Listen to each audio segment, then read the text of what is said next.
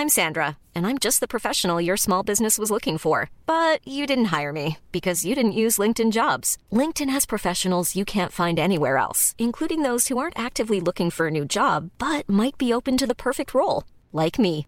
In a given month, over 70% of LinkedIn users don't visit other leading job sites. So if you're not looking on LinkedIn, you'll miss out on great candidates like Sandra. Start hiring professionals like a professional. Post your free job on linkedin.com/people today. When you make decisions for your company, you look for the no-brainers. And if you have a lot of mailing to do, stamps.com is the ultimate no-brainer. It streamlines your processes to make your business more efficient, which makes you less busy. Mail checks, invoices, legal documents, and everything you need to keep your business running with stamps.com. Seamlessly connect with every major marketplace and shopping cart. Schedule package pickups and see your cheapest and fastest shipping options from different carriers. With rates up to 89% off USPS and UPS rates. And with the stamps.com mobile app, you can take care of mailing and shipping wherever you are. Make the same no-brainer decision as over 1 million other businesses with stamps.com. Sign up with code program for a 4-week trial plus free postage and a free digital scale. No long-term commitments or contracts. That's stamps.com. Code program.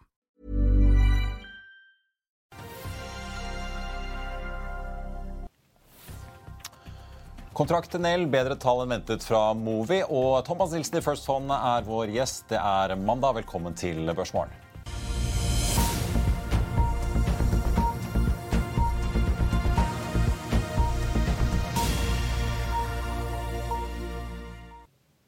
En riktig god morgen 17. oktober har det blitt, og velkommen til oss her i Finansavisen og til ukens første Børsmorgen. Mitt navn er Marius Lorentzen, og jeg er på plass med aksjekommentator Karl Johan Målnes. Vi får altså straks med oss forvalter Thomas Nilsen i First Fondene på denne første børsdagen i uken. Men la oss ta litt nyheter eh, før den tid, og litt hva vi har i vente i dag. Det er med venter at Oslo Børs vent- åpner ned 0,1% fra start. Nordnetts Roger Berntsen ligger inne med ned 0,2 på OBX-en, etter et eh, får vi si, fall på så vidt 0,02% i forrige uke på hovedindeksen. Wall Street var ganske surt på fredag. Nasdaq endte ned over 3% SMP 500 2,4 og Dow Jones 1,3. Vi har en rekke flere Q3-tall på menyen denne uken, etter at bl.a. JP Morgan da kom med sine tall på fredag. Tesla, Netflix, Bank of America er noe av de som Wall Street går og venter på, hvorav sistnevnte kommer allerede i dag. Her hjemme venter vi på Otovo i morgen, Entra på onsdag, og torsdag får vi en hel bukett av regnskaper fra selskaper som Mathea, Nordic Semiconductor, DNB, Yara og Context Vision. Og så runder bl.a. Borregaard, Norske Skog og Gjensidige av sammen med Tomra og Pareto på fredag. Oljeprisen ligger opp nesten en prosent til 92,50 for et fat nordsjøolje i spotmarkedet. Den amerikanske lettoljen like bak med en oppgang på 0,8% til 86,30. Så får vi ta med Norse Atlantic, flyselskapet som satser på langdistanse til USA, melder nå at amerikanske samferdselsdepartementet har gitt dem en såkalt Foreign Air Carrier Permit, som kommer i kjølvannet av at de den 27. september fikk en flylisens fra britiske myndigheter. Dermed er alt duket for direkteflyvninger fra Gatwick til USA fra og med sommersesongen 2023, sier konsernsjef Bjørn Tore Larsen i en melding nå på morgenkvisten. Og dermed får vi si, slipper også Norse å måtte ta omveien når de i dag må da fly fra Norge via London til USA for å holde seg innenfor regelverket. Hydrogenselskapet Nel meldte i helgen om en bestilling fra Woodside Energy for elektrolysører. Der kontraktsummen er på 600 millioner kroner. Ganske stort eh, sammenlignet med mange av de andre meldingene som har kommet fra Nel i det siste. Så vi får da følge med på aksjekursen. Den har jo falt ganske kraftig i det siste. Hexagon Composites statsselskap Hexagon Agility har fått bestillinger fra en heavy duty flåte i Nord-Amerika for såkalte RNG-systemer til en verdi på rundt 27 millioner dollar. Det er også med at Sparbergen Markets nedgraderer Hydro fra nøytral til salg og kutter kursmålet fra 70 til 55. Det skjer jo da etter at Hydro fikk seg et solid løft i forrige uke på rapporter om at Hvitehus vurderer å ta grep og potensielt da innføre en full embargo mot russisk aluminium. Hydro endte fredag på 61,46.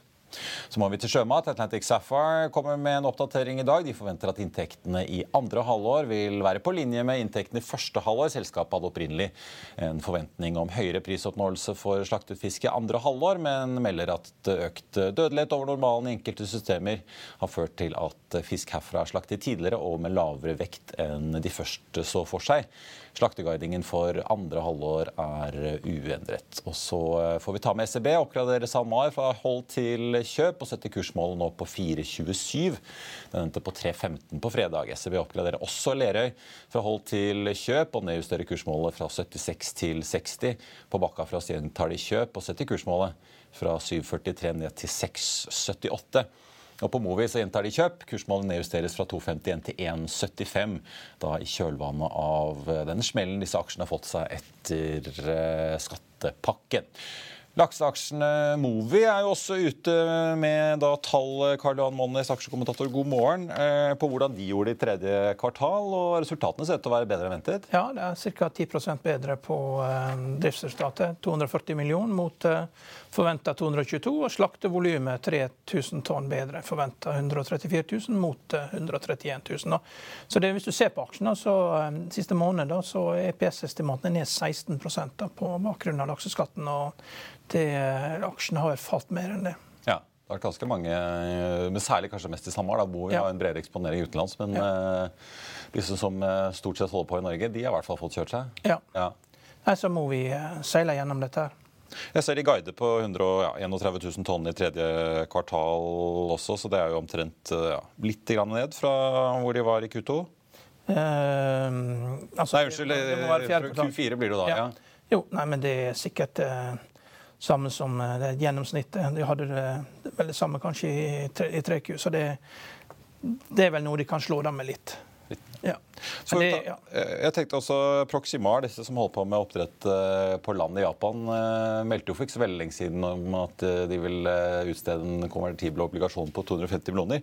Nå har de fått landet, og så sier de da at de har fått en tegning fra en stor japansk strategisk investor, og de kutter i tillegg da konverteringsprisen fra 6 til 5 kroner. Så det er jo interessant å følge med på hva som kan skje der. Ja, det er spennende. Det er, det er mye god sjømat i Japan. Du kan jo spise mat fra gatekjøkken der, og det er like godt som det du får inne på en restaurant. Så det er jo et fantastisk land. da. Jeg tror det, jeg tror det anlegget ligger ved Fujifjellet. Um, det er ikke langt unna Fujifjellet. Innhøsting er i hvert fall planlagt til 2024, ja. skriver de. Du, La oss hoppe fra sjømat over til uh, energi. Det er jo en sånn såkalt kapitalmarkedsoppdatering fra um, Alternus Energy Group i dag klokken tre. Ja, ja. De eh, er jo i ferd med å bli kjøpt opp av et SPAC, da, Special Purpose Acquisition Company. Vi skriver om det i dagens uh, Finansavis. Børsskall, hvis man kan kalle det Børskall, ja. ja. Og, og uh, det virker jo nesten for godt til å være sant at de skal tidoble egenkapitalen sin i en slags sånn, i en fusjon. da, med en sånn, det man kaller få full fremtidsverdi på dette. her. Og det vi ikke skriver om i den rapporten, er jo at det er jo ofte noe man kaller PIPE, altså pipe private investment in public equity. Det bruker liksom å ligge en slags sånn der, eh, ligger ved siden av selskapet. Da. Fra spekken så ligger det kanskje 100, 200, 300 300 millioner dollar som ligger der, da, som de som eier spekket, kan velge å putte inn i selskapet da, som en opsjon. Eller som en, en opsjon da, til å kjøpe på 10 dollar. Noen har vært helt nede i 2 dollar på, på dette. her, så Dess dårligere selskapet er, dess dårligere er striken. Da. Så det er et eller annet som mangler i det de har fortalt eh, så langt i den presentasjonen mellom selskapene. Og Det er jo ofte sånn når du ikke har en megler da, som går inn og, og tilrettelegger for det, mens det, men det er to selskap da, som mm, går sammen om å lage en presentasjon. så det er ikke sikkert man får fram alt, men hvis du hadde tatt en corporate finance-avdeling og dette har vært en børsnotering, så hadde du fått fram alle detaljene med en gang. Nå må vi vente presentasjonen i dag klokken tre, og det er et eller annet som ikke stemmer. Jeg ser liksom ikke for meg at eh, store, tunge amerikanske investorer gir fra seg flertallet til eh, et eh, selskap som dette, uten at de har muligheten til å kjøpe seg opp og ta over kontrollen senere hvis det går bedre. Ja. Å... Tipper det. tipper det. Men vi får høre hva de sier klokken tre, og da kommer alt på bordet. Men det er klart, solparker i Europa det er klart det er en fantastisk investering. Eh, billig solpanel fra Kina og høye strømpriser. Fantastisk investering. Og det ser ut til å vare noen år også. Så ja. godt for den som kan få være med på det. Ja, for Du har jo skrevet mye om eh, solbransjen, men vi har jo hatt ja. Eh, nå står det stille for meg hva det selskapet heter i farten, som har hatt masse juridisk trøbbel og vært i rettssaker i Italia. og Ja, det, ja, det er AM Sola, da. AM Solar, takk. Ja, ja. Men de, eh, Viktor Jacobsen han er jo i ferd med å gjøre et av de største comebacks siden Lasarus, med, med solparker. Oi, oi, oi. Med eid, sammen med Eidsiva på Innlandet, med sauer som beiter langs med solpanelene allerede prøvd ut i, i Holland. Du kan ikke ha okser, vet du, de river ned panelene. Men sauer de er ålreite dyr. vet du, De kan du ha og gresse, gresse langs solpanelene. Og det blir helt fantastiske bilder. vet du. Poenget mitt var i hvert fall at eh, ikke, altså man må passe på at eh, det juridiske rammeverket Ja, det er veldig viktig. Sånne, veldig viktig. Enten man har kraftavtaler eller uh, leieavtaler med ja. grunneier. eller hva det skal være. Helt klart. Og, og SPAC er mye mer utsatt enn vanlige emisjoner. Så det som er flott med en emisjon, at du har du advokater, du har Corporate Finance-avdelingene, og de gjør faktisk en jobb. altså. De passer på at alt blir rett. Vi, jeg tenkte bare også nevne Carasent uh, ute med en liten oppdatering nå i dag. Venter da en omsetning på ja, 190 90-95 millioner kroner mot da tidligere guiding på 200. Aksjen er ned nesten, 56, ja, nesten 60% i år. Q3-tallene kommer da 26.10. Eh, hovedindeksen åpner opp en halv prosent, 0,54 nå til 1119 eh, poeng. Med en oljepris altså, som har tikket enda litt mer oppover nå på morgenen til 92,75 eh, for et fat nordsjøolje, da opp 1,22 Movi, eh, som også har kommet med tall i dag på kvartalet, opp 2,6% fra start. Nell gjør det også veldig bra på Kontraktsnytt, opp 7,9% Vi skal ta inn eh, Thomas Nilsen rett etter en reklamepause. Vi er straks tilbake. La oss i Finansavisen hjelpe deg med å holde deg oppdatert på alt som skjer i finans og næringsliv. Hver morgen er jeg, Marius Lorentzen, og aksjekommentator Karl Johan Målnes på plass i studio for å ta tempen på dagens marked i Børsmorgen. På ettermiddagen oppsummerer vi alt du trenger å vite i økonominyhetene, og så får vi selvfølgelig besøk av masse interessante gjester. Du finner oss på fa.no-tv, eller ved å søke opp Børsmorgen og Økonominyhetene der du hører på podkast.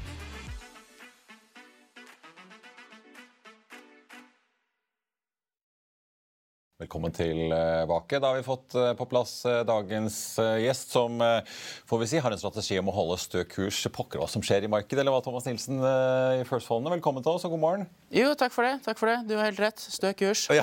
Alltid, uansett. Men Det er derfor det er interessant å ha deg her, fordi at det skjer jo ekstremt mye. Vi hadde jo britiske finansministeren Kwasi Karteng måtte gå her etter masse uro i finansmarkedene, og hvor tilliten til Storbritannia fikk seg en knekk her de siste ukene. Vi har oljemarkedet marked, Ukraina, inflasjon, renter og alt mulig.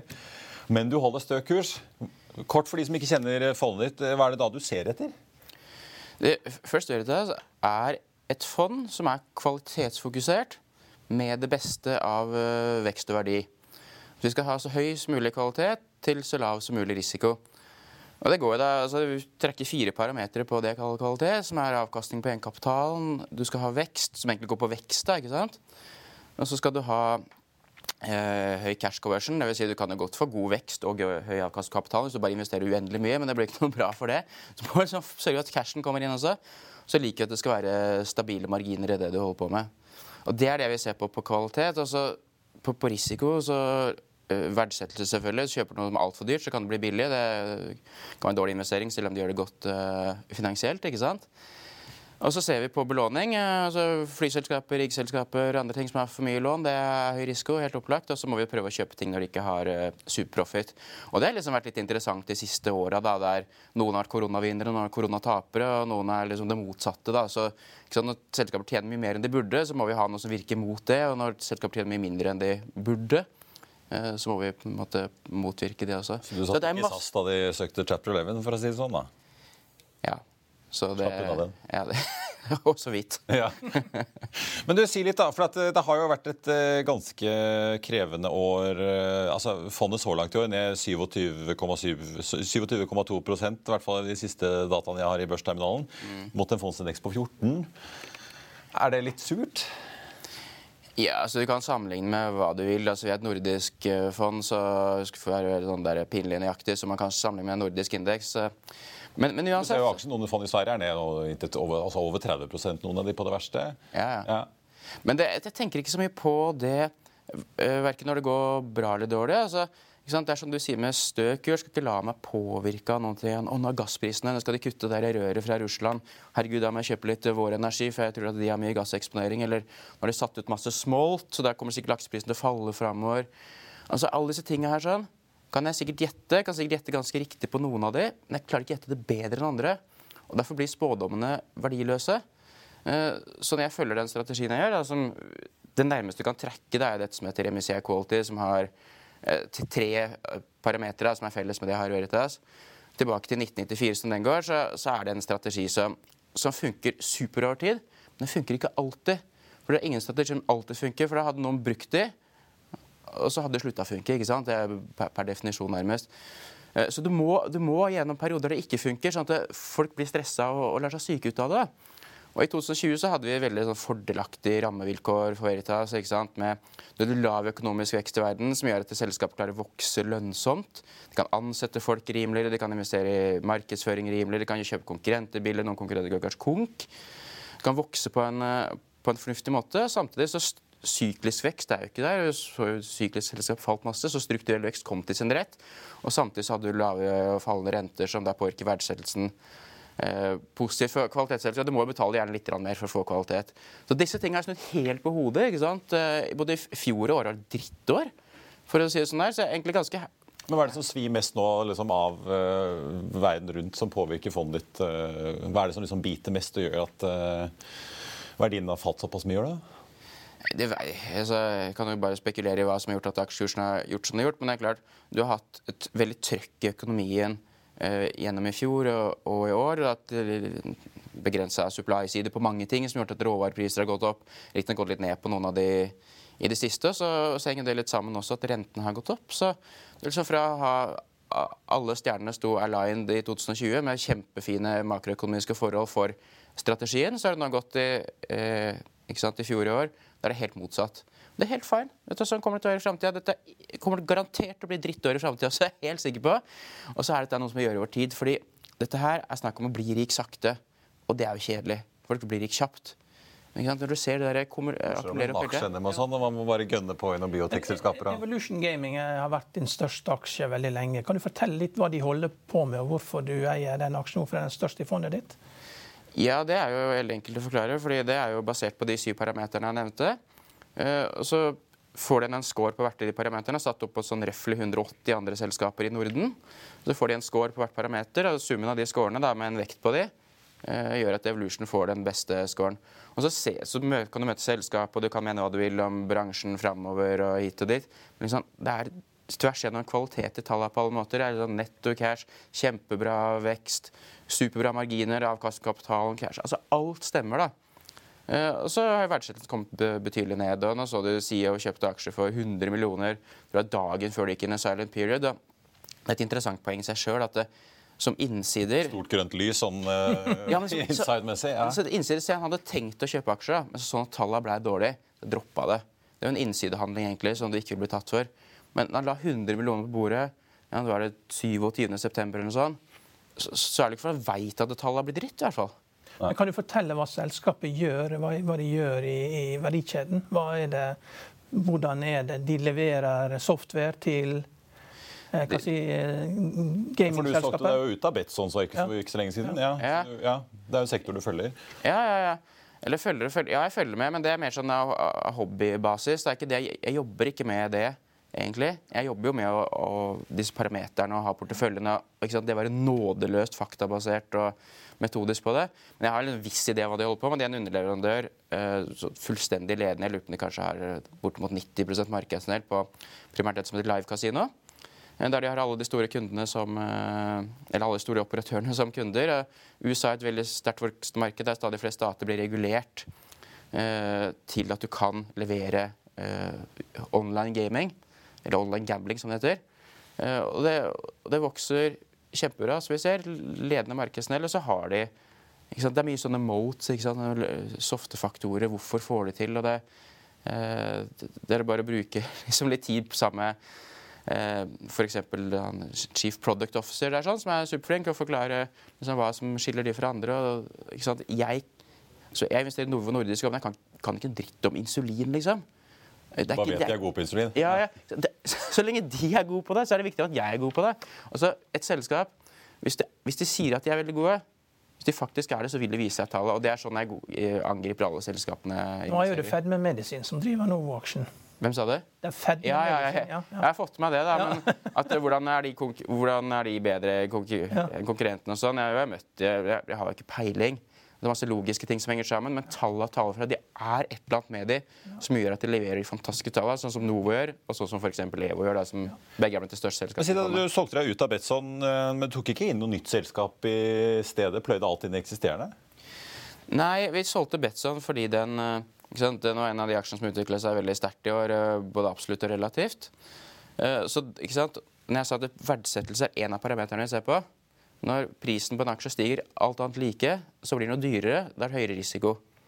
Eh, Så Derfor så ble jo scoren i Betson såpass lav at den var ikke lenger relevant å ha med i fondet. Så vi har spredt det over på de andre selskapene. Vi har sikkert tatt inn et nytt, men når jeg så på det at de selskapene vi hadde, var såpass mye bedre kvalitet enn de andre vi kunne ta inn, at det var naturlig å spre det på de øvrige 16 selskapene som vi har nå. Ja. For du fant ikke noe annet som på en måte eh, Nei, da, du liksom, da, da, da ville det gått ned på kvalitetsskalaen igjen. Altså, da hadde det Men Hva er det som er favoritter? Du sitter jo i ganske sånn bredt spekter av nordiske aksjer. Alt fra sånn Pandora, du har Kone, det finske heiselskapet, Meglerhusa, BG. Det er liksom en full buffé Ja, liksom av ulike sektorer. Hva er det som er liksom de du har mest troen på nå fremover? da? For å svare på det første, første først, holdt jeg på å si.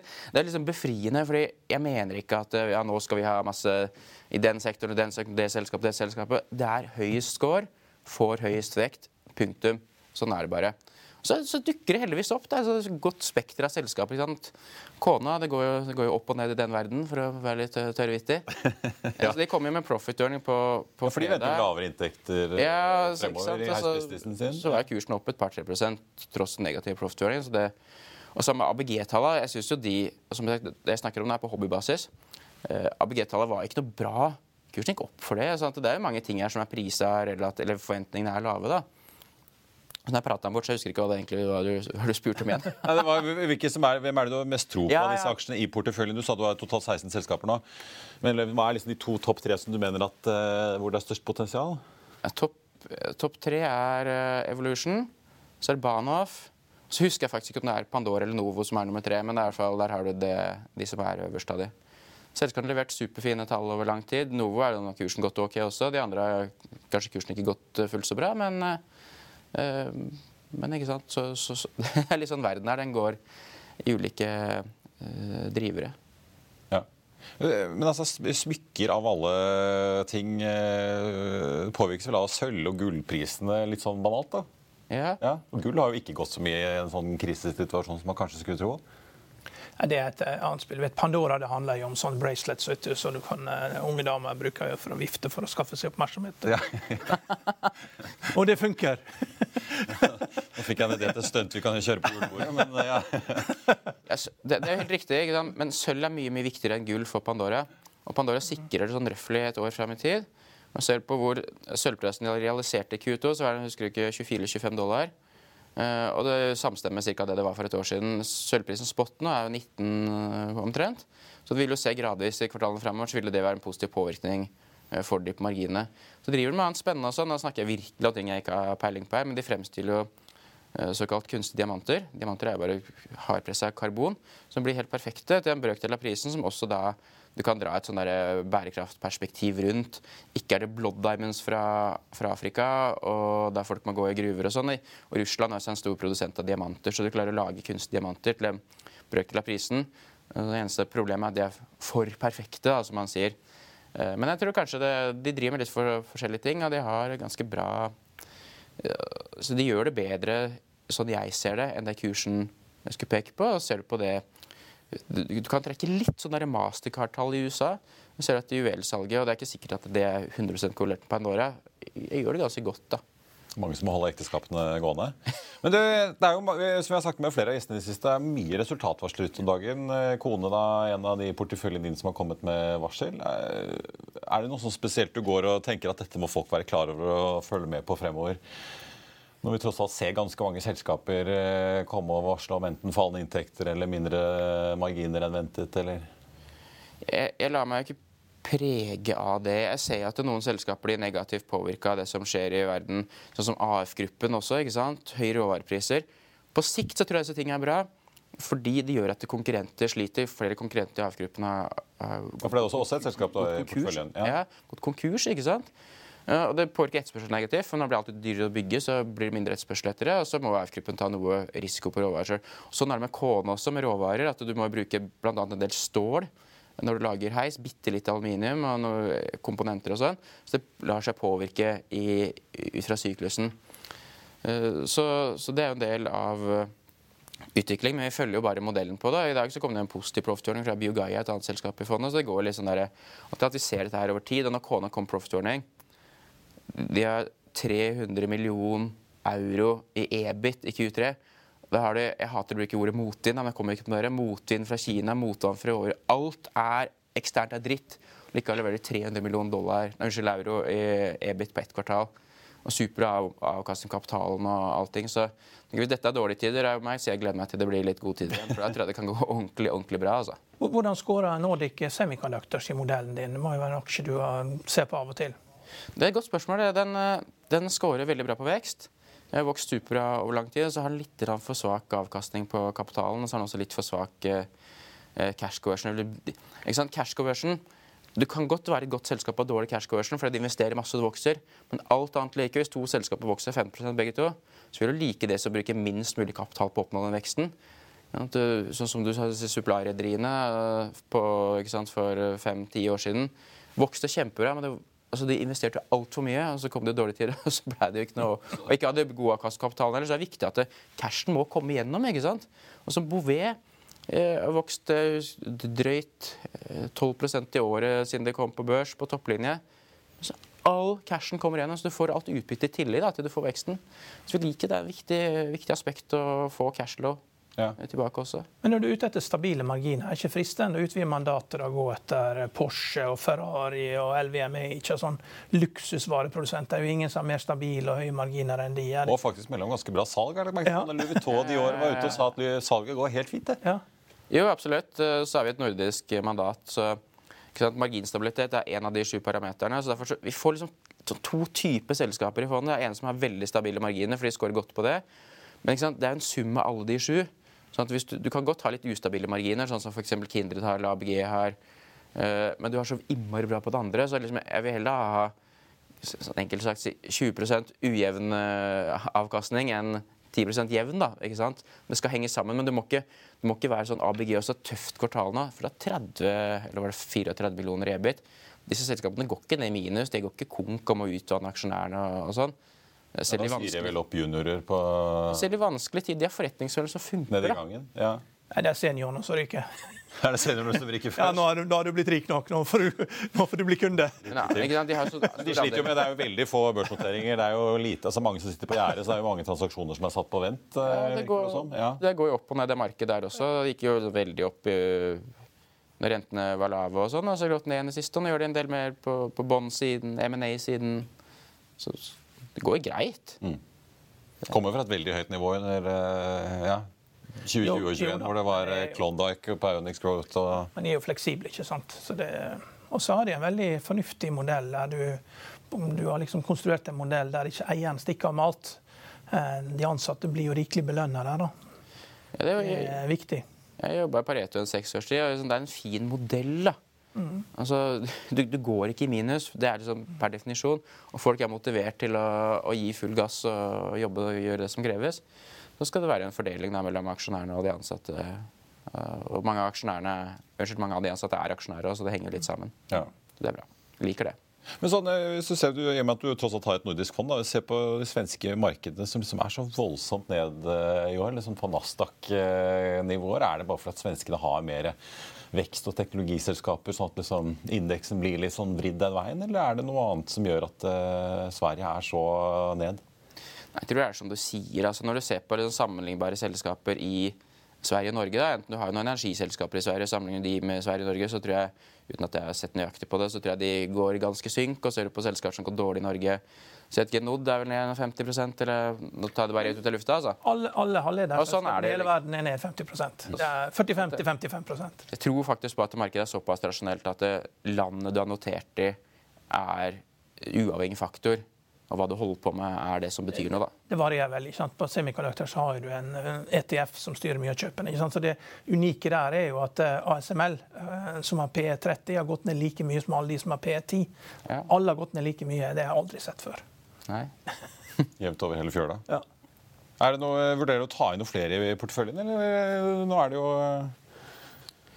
ja, Det vil jeg selvfølgelig alltid si etter jeg har gjort det, og ikke før.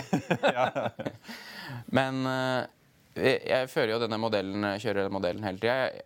Og jeg er veldig åpen for tips. da, Hvis det er noen som har noe Har du sett på det selskapet der, liksom? Så kan det godt hende ikke har det. Det er jo ca. 1700-1800 selskaper i, Norden. Og når jeg snakka om det for et år siden, så og stadig økende. Nå kan jeg ikke si stadig økende lenger, for nå har det ikke vært på særlig børsnoteringer. Men i hvert fall da, øh, så har jeg modell på 180. og det? Jeg krever at det skal ha historikk tilbake til 2011. Mm. Så automatisk her så blir det en god del borte som kommer på børs etter det. Uh, for jeg tror ikke noe på at jeg klarer å finne et sånt startup-selskap. på Shelf, Shelf uh, Drilling Norty og, og, Noram som kom på børs nå nylig? Nei, så, altså, som han Terry Smith sier, da. Jeg skal ikke prøve å finne morgendagens vinnere. Jeg skal finne selskaper som allerede har vunnet. Og skal du finne de, så må du gjerne sette de børs, eller sette de i drift over lang tid.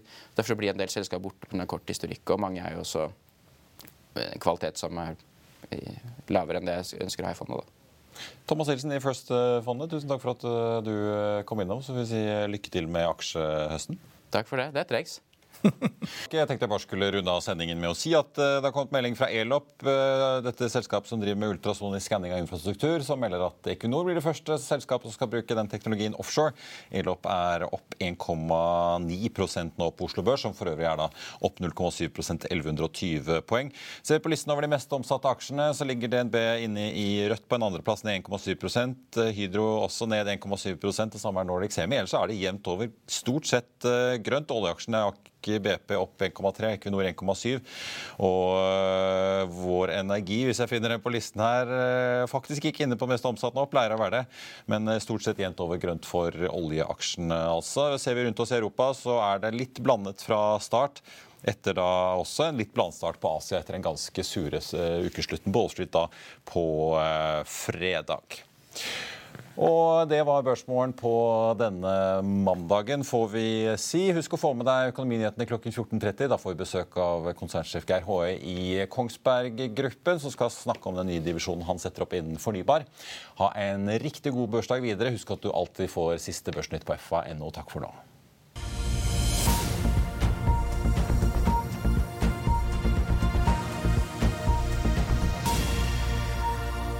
Økonominyhetene er en podkast fra Finansavisen. Programledere er Marius Lorentzen, Stein Ove Haugen og Benedikte Storm Bamvik.